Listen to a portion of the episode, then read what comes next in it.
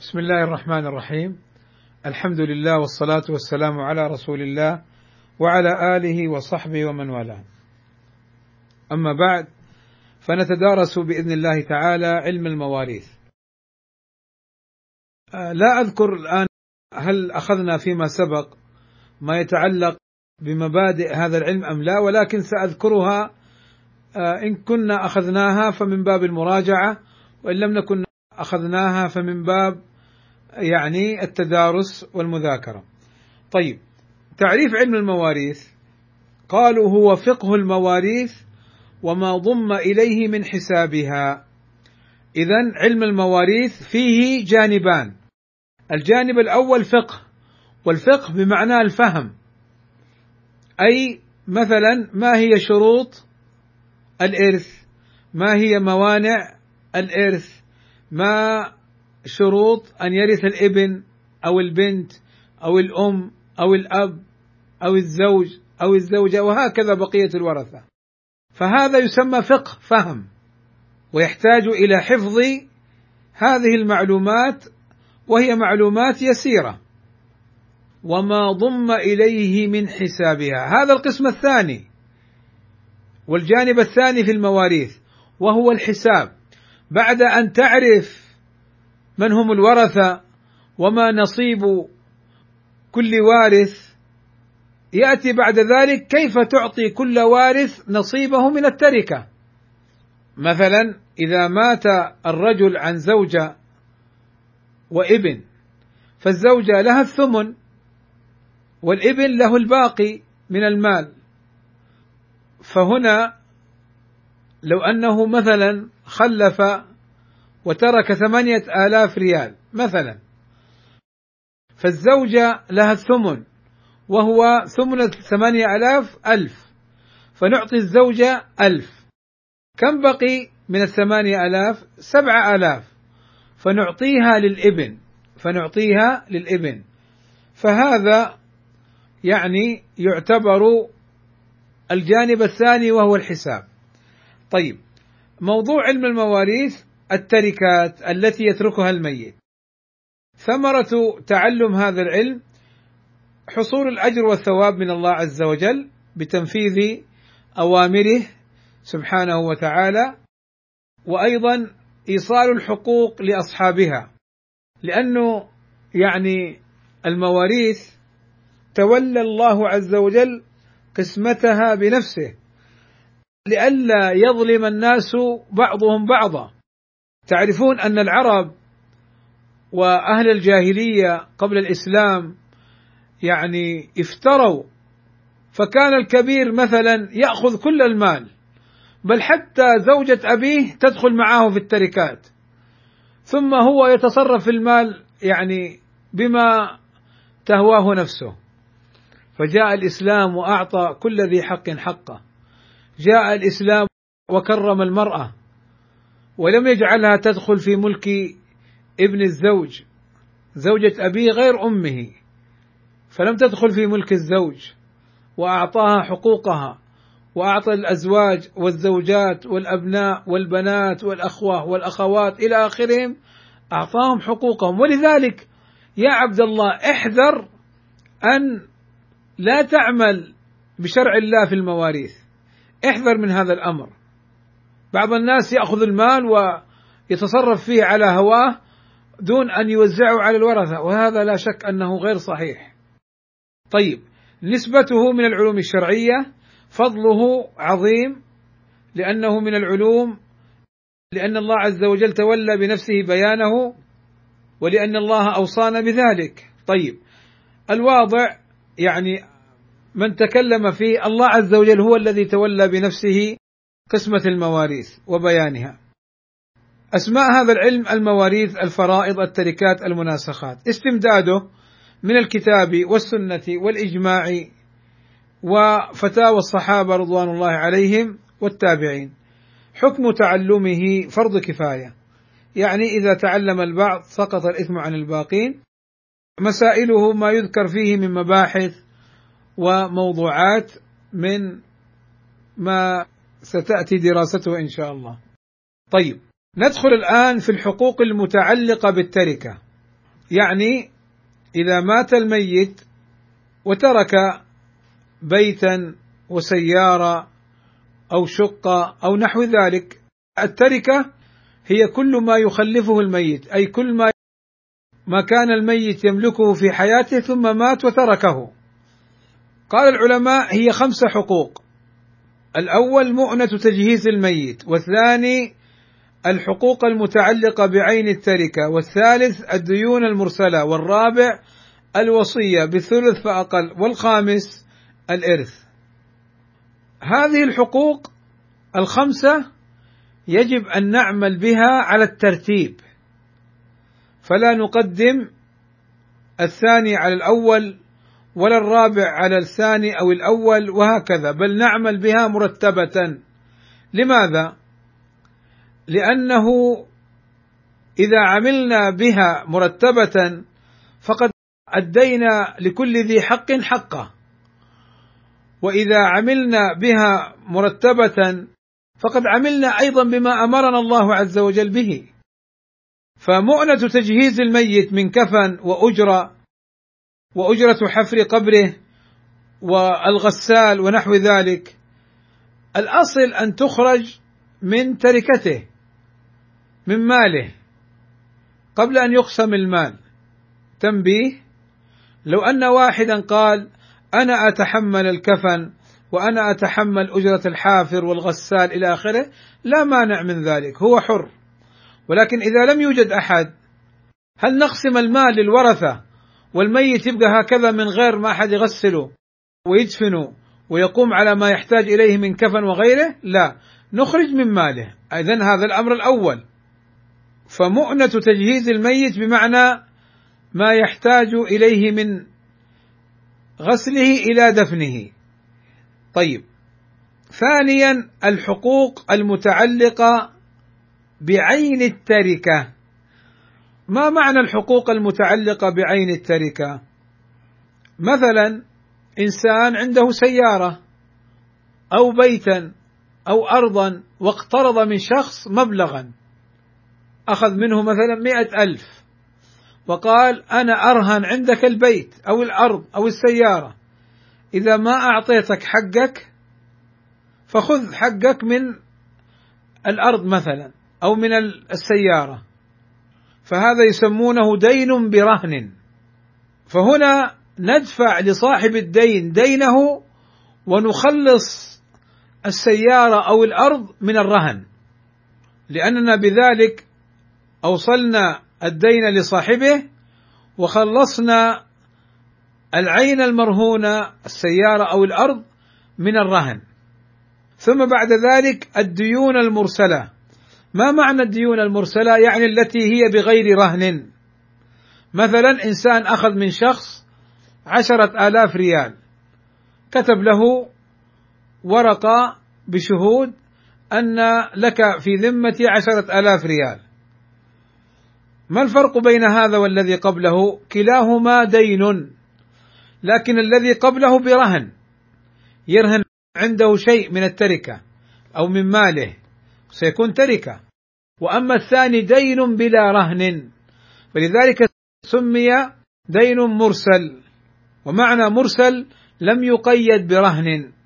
اذا خلصنا الدين الديون لأصحابها وخلصنا التركة من الرهن وبرئت ذمة الميت. لأن الميت إذا مات وفي ذمته دين للغير.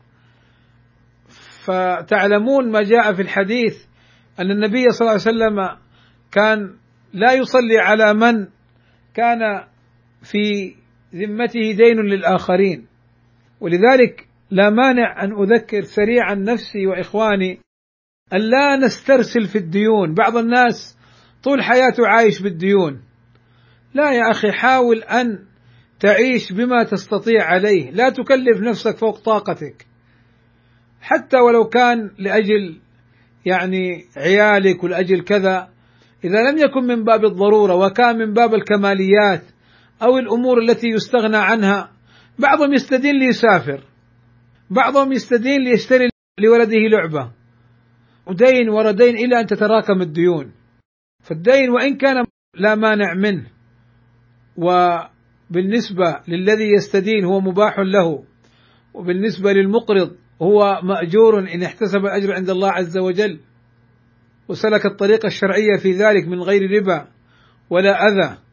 هو له أجره ولكن لا ينبغي الاسترسال فيه وينبغي للإنسان أن يسارع في أداء حقوق الناس قبل أن يموت وتبقى في ذمته لأنه لا يدري لعل الورثة لا يقومون بسداد المال الذي في ذمته. طيب اذا هذا الثالث. الرابع الوصية بالثلث فأقل. لقول النبي صلى الله عليه وسلم الثلث والثلث كثير. فبعد أن نجهز الميت وما يتعلق بكفنه ودفنه ثم بعد أن نعطي الحقوق المتعلقة بعين التركة كدين برهن والديون المرسلة نأتي للوصية. إذا الميت أوصى بأن يفعل كذا وكذا وأن يعطى فلان كذا وكذا من غير الورثة أو يبنى مسجد أو يوزع ماء سبيل أو ينشر أو يوزع كتاب إلى آخره فإننا نخرج الثلث فأقل. طيب لو أوصى بأكثر من الثلث ينفذ فقط في الثلث فأقل. إلا أن يرضى الورثة. إن رضي الورثة بأن تنفذ الوصية وكانت أكثر من الثلث فلا مانع من ذلك. لماذا؟ لأن ذلك حقهم. فهم رضوا بأن يتجاوز عن يعني يؤخذ أكثر من الثلث. فكان ذلك لهم. يعني نفرض إنسان أوصى بشيء وكان هذا الشيء الذي أوصى به قيمته أكثر من الثلث فقال الورثه لا مانع ورضينا أن ننفذ وصيته فلا مانع من ذلك. لكن لو لم يرضوا فهذا حقهم وينفذ الثلث فأقل. طيب هل يذم الورثه إذا لم يرضوا بوصية الميت التي تجاوز الثلث؟ فالجواب لا لا يأثمون ولا عيب عليهم. يعني بعض الناس مثلا أبوهم وصى ولا أخوهم ولا أمهم وصت بأمر وهذا الأمر كلفته كثيرة تتجاوز الثلث فينفذون الثلث فقط ولا ينفذون الأكثر. فقد يأتي بعض الأقارب يقولون أنتم عاقين أنتم فعلتم امرا لا يجوز. لا لا لا يا أخي. لا لا لا لا. الثلث والثلث كثير. فلا ينفذ أكثر من الثلث ولا عيب عليهم فيما لم ينفذوه. والله إذا أنت حزين على الشخص هذا أدفع من جيبك. أن تدع ورثتك أغنياء خيرا من أن تدعهم عالة يتكففون الناس. هكذا يقول الرسول صلى الله عليه وسلم. طيب بعد ذلك يأتينا الإرث وهو يعني قسمة المال على الورثة. وهو المقصود في علم الفرائض. هي لاحظ لاحظوا معي لو أننا قسمنا ابتدأنا بتقسيم المال على الورثة وكل أخذ نصيبه ممكن ما نستطيع أن ننفذ الثلث. ما نستطيع أن نسد أصحاب الديون. ما نستطيع أن نجهز الميت. فهذا الترتيب مطلوب. مؤنة تجهيز الميت إلى دفنه الحقوق المتعلقة بعين التركة كدين برهن الديون المرسلة كدين بلا رهن الوصية بالثلث فأقل الإرث وهو توزيع وإيصال المال للورثة. ندخل أيضا في أركان الإرث وشروطه وأسبابه وموانعه. يعني لا يمكن أن نقوم بتوزيع المال إلا بعد توفر ثلاثة أركان. يعني واحد حي تيجي تقول له يا فلان أنت عندك مليون ريال يلا أعطي ولدك 200 وأعطي فلان الثلث وأعطي فلان الربع. حيقول لك إيش بك؟ هذا مالي ما بك. أي شيء بك. هذا مالي كيف توزع وأنا حي؟ فإذا أول ركن من أركان الإرث موت المورث اللي هو المورث وهو الميت الذي ترك وخلف مالا. لو كان حي كيف توزعه؟ ولذلك موت المورث ركن. موت المورث ركن.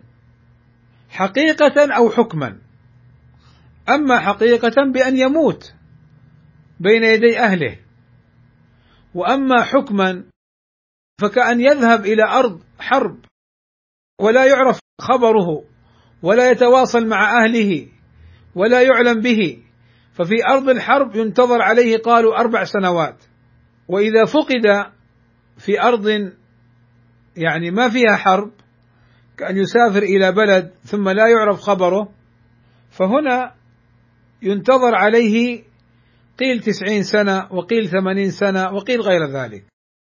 يعني ليس منذ أن فقد ولكن منذ ولادته.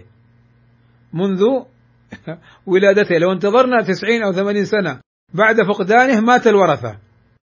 ولكن ينتظر عليه تسعين أو ثمانين منذ ولادته بعد فقده. طيب إذا هذا الركن الأول. الركن الثاني الوارث. لو أن إنسانا مات ما عنده ورثة ما عنده أقارب لا زوجة ولا أم ولا أب ولا أبناء ولا إخوة ولا أخوات ولا أعمام ولا كذا فهنا لا يمكن تقسيم المال. لأن المال له أصحاب من زوجة وأولاد وزوج وبنات وأم وأب وجد وجدة وأعمام وإخوة وأخوات إلى آخره. وتحقق الوارث حقيقة بحياته أو حكما كالحمل في البطن. فإننا نحكم بأنه بأنه وارث باعتبار أنه كان موجودا وخلق قبل موت المورث. فإن نزل ميتا فلا يورث. وإن نزل حيا فإنه يرث ولو مات بعد ذلك لأنه ثبتت له الحياة. ثم التركة واحد مات وعنده أبناء وإخوة وأخوات لكن ما عنده مال إيش اللي نوزعه؟ ما في شيء نوزعه. فإذا هذه ثلاثة أركان من أركان الإرث. الأول المورث وهو الميت والثاني الوارث وهو الذي يرث المال والثالث التركة وهو المال الموروث. هذه أركان الإرث. وأما شروط الإرث الأول تحقق موت المورث حقيقة أو حكما. والثاني تحقق حياة الوارث حقيقة أو حكما. والثالث العلم بسبب الإرث وما يتبعه. بمعنى لابد إذا كان هناك مورث فهو ميت حقيقة بأن يموت بين أهله أو حكما كما سبق بأن يموت حين نحكم أنه في حكم من مات. إن كان في أرض هلاك وحرب إنسان فقد في الصحراء فقد في الغابة هذه أرض هلاك فينتظر عليه أربع سنين من غيابه. وإن فقد في أرض سلامة كأن يكون في مدينة وفقد خبره. فهنا ينتظر عليه على خلاف قيل تسعين سنة قيل ثمانين سنة من ولادته. تحقق حياة الوارث حقيقة بوجوده أو حكما كالحمل في البطن كما سبق. أو أيضا كأن يكون الوارث سافر وانقطع خبره. فهنا نحن نحكم بأنه موجود حتى نستيقن موته. أو نحكم بموته. العلم بسبب الإرث وما يتبعه. ما نجي نقول أنت يا فلان لك أربع آلاف وأنت يا فلانة لك خمسة آلاف وأنت يا فلان لك عشر آلاف. لا ما يجوز. هناك ربع ونصف وثمن وثلث وثلثان وسدس. فالربع للزوج أو للزوجة والثمن للزوجة والنصف للزوج أو البنت وبنت الابن. والأخت الشقيقة والأخت الأب وهكذا. فكل فرض له أصحاب بشروطه التي ستأتي ونفهمها إن شاء الله تعالى. فمعنى العلم بسبب الإرث أي أننا نعطي كل وارث بحسب نوع صلته بالميت.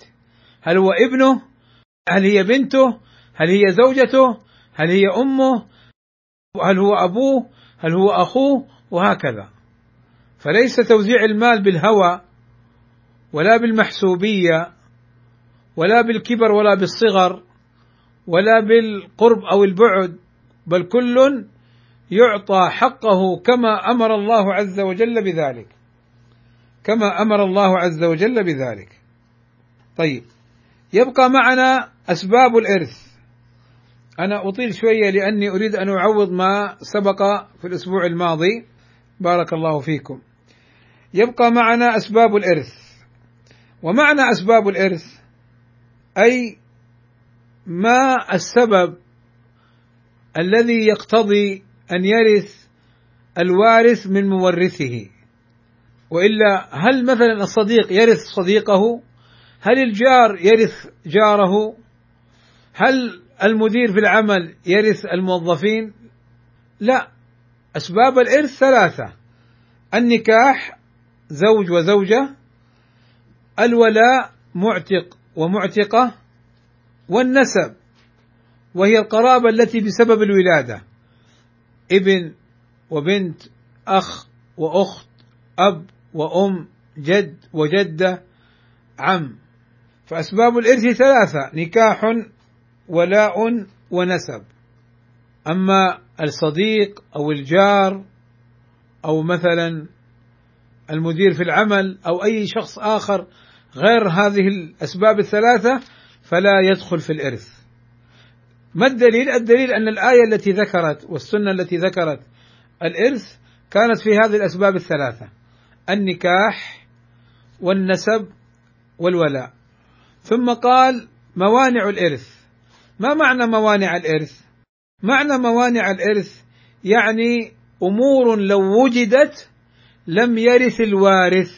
مثلا إذا مات الإنسان إذا مات الإنسان الحر وابنه مملوك. أحيانا الإنسان يكون عبدا مملوكا وعنده ابن. ثم هذا الأب المملوك يأتي من يعتقه فأصبح حرا. طيب لو مات هذا المعتق الذي أصبح حرا. ابنه مملوك. هل يرث؟ لا ما يرث. لأن الرق والعبودية تمنع من الإرث لأنه ليس حرا وهو مملوك لسيده. ولو ورث فإن المال سيذهب للسيد. والسيد ليس بوارث. وسيد العبد المملوك ليس بوارث. والقتل. لا يرث القاتل كما قال النبي صلى الله عليه وسلم. فإذا قتل أحد الورثة قريبا له فإنه لا يرثه حتى ولو كان أبوه أو ابنه أو أخوه أو كذا أو كذا من الأقارب. نسأل الله السلامة والعافية. فإذا قتله بغير عذر شرعي لا يرثه. وكذا اختلاف الدين كأن يكون أحدهما مسلم والآخر كافر. فلا يرث المسلم الكافر ولا الكافر المسلم. إلا في مسألتين يرث المسلم الكافر أو الكافر المسلم. الأول أن يكون عبده فيرثه سيده المسلم وكذا العكس. أحيانا يكون العبد مسلم وسيده كافر. طيب. والثانية إذا أسلم الكافر قبل قسمة التركة قالوا يرث ترغيبا له في الإسلام يرث ترغيبا له في الإسلام إذا تعلمنا اليوم وعرفنا اليوم الحقوق المتعلقة بالتركة وأركان الإرث وأركان الإرث وشروط الإرث وأسباب الإرث وموانع الإرث ونقولها على سبيل الاختصار. أما الحقوق فمؤنة تجهيز الميت إلى دفنه ثم الحقوق المتعلقة بعين التركة كدين برهن ثم الديون المرسلة في الذمة كدين بلا رهن ثم الوصية بالثلث فأقل ثم الإرث ثم أركان الإرث وهي ثلاثة المورث والوارث والتركة ثم شروط الإرث وهي تحقق موت المورث حقيقة أو حكما وتحقق حياة الوارث حقيقة أو حكما والعلم بالجهة المقتضية للإرث أو بسبب الإرث وأسباب الإرث ثلاثة النكاح والولاء والنسب وموانع الإرث أيضا ثلاثة الرق وهو كون الوارث مملوكا والقتل واختلاف الدين إلا في حالتين كما سبق. وبهذا نكون قد اختصرنا ما سبق مما يتعلق بالمواريث. إذا مات الميت وعنده ابن كافر أو قريب كافر فالأصل أنه لا يرثه. الأصل أنه لا يرثه. ولكن من باب ترغيبه بالإسلام ذهب بعض أهل العلم إلى أنه إذا لم تقسم التركة يطلب منه أن يسلم ليأخذ نصيبه بحسب حاله إن كان ابنا أو أخا أو عما أو أبا أو نحو ذلك. وربما هؤلاء استدلوا بإعطاء الزكاة للمؤلف قلوبهم. المؤلف قلوبهم يعني الذين يتألفون على الإسلام. فيعطون الزكاة ترغيبا لهم كذلك في المواريث. ومنهم من منع إعطاءه لأنه حين مات لم يوجد سبب يقتضي الإرث بل وجد مانع من موانع الإرث وهو اختلاف الدين. كما لو حملت ال ال يعني آه كما لو حصل حمل بعد موته. وكان هذا الحمل من أقربائه إذا ولد كأن يكون ابن عم له أو ابن أخ له أو نحو ذلك. فهنا لو حصل حمل بعد موته فإنه لا يرث لأنه لم تتحقق حياته حقيقة حياة الوارث حقيقة أو حكما. طيب أنبه بارك الله فيكم إلى أني في صفحتي في الفيسبوك والتي أباشر العمل فيها بنفسي على فترات حسب ما يتيسر لي. وأني أتبادل الفوائد مفيدا ومستفيدا وليست من باب الفتوى. بارك الله فيكم. ولذلك أعتذر للإخوة الذين قد يرسلون أسئلة ولا أجيب عليها لأن هذه الصفحة مخصصة للفوائد. الأمر الآخر الذي أريد أن أنبه عليه أني لن أفتح مجالا للرد على المشغبين يعني بعض الناس نسأل الله أن يهديهم للحق وأن يصلح حالهم وأن يرزقهم التأني وحسن القصد ويبعدهم عن العجلة فإن العجله من الشيطان يأتي ويشغب في الصفحة ويتكلم بكلام وسوف أحذف مثل هذه التعليقات لئلا يشوش على القارئين والمستفيدين. يعني تعلمون بارك الله فيكم كما سبق في بداية كتاب التوحيد أنه يوجد سبحان الله. بعض الناس يأتي فقط ليشغب ويسب ويتكلم ما يأتي بعلم. والله لو أتى بفائدة أو بعلم لاستفدتها منه. كما أستفيد أحيانا من بعض الإخوة جزاهم الله خيرا. لكن ما يأتي إلا للتعليق الذي لا ثمرة له إلا التشويش وإلا الصرف عن الحق. فللأسف الشديد هؤلاء لهم نصيب ولهم حظ ومشابهة من حال أهل الباطل في هذا الجانب الذين يصدون عن سبيل الله. فالسلامة السلامة بارك الله فيكم ما يلفظ من قول إلا لديه رقيب عتيد. والرسول صلى الله عليه وسلم يقول إن الرجل لا يتكلم بالكلمة لا يلقي لها بالا يعني ما يفكر أن هذه الكلمة سوء. بعض الناس تجد مباشرة يريد أن يعلق بأي كلام. طبعا ليتكلم بالكلمة حتى الكتابة في حكم الكلام. لأنه قول صلى الله عليه وسلم يتكلم بالكلمة هنا الكلام أعم من كونه لفظيا. ولذلك يعني الإشارة والكتابة والدوال الأربعة واللفظ كله يعتبر كلام في اللغة. فلذلك بارك الله فيكم هؤلاء نصيحتي لهم أن لا يتعجلوا ونصيحتي لهم أن يتقوا الله عز وجل ويتركوا هذا التشغيب. طبعا هؤلاء كما سبق هم من نتائج الجماعات ومخلفات الحزبيات السابقة. بقت في أنفسهم وفي قلوبهم مثل هذه الأحقاد والحسد والبغضاء والأذية للحق وأهله. في صورة السلفي ويجي ويتصدر وهذا كما يقول أهل العلم جاهل جهلا مركبا. والجاهل المركب هو الذي لا يعلم ولا يعلم أنه لا يعلم ويظن أنه يعلم. هذه مشكلة.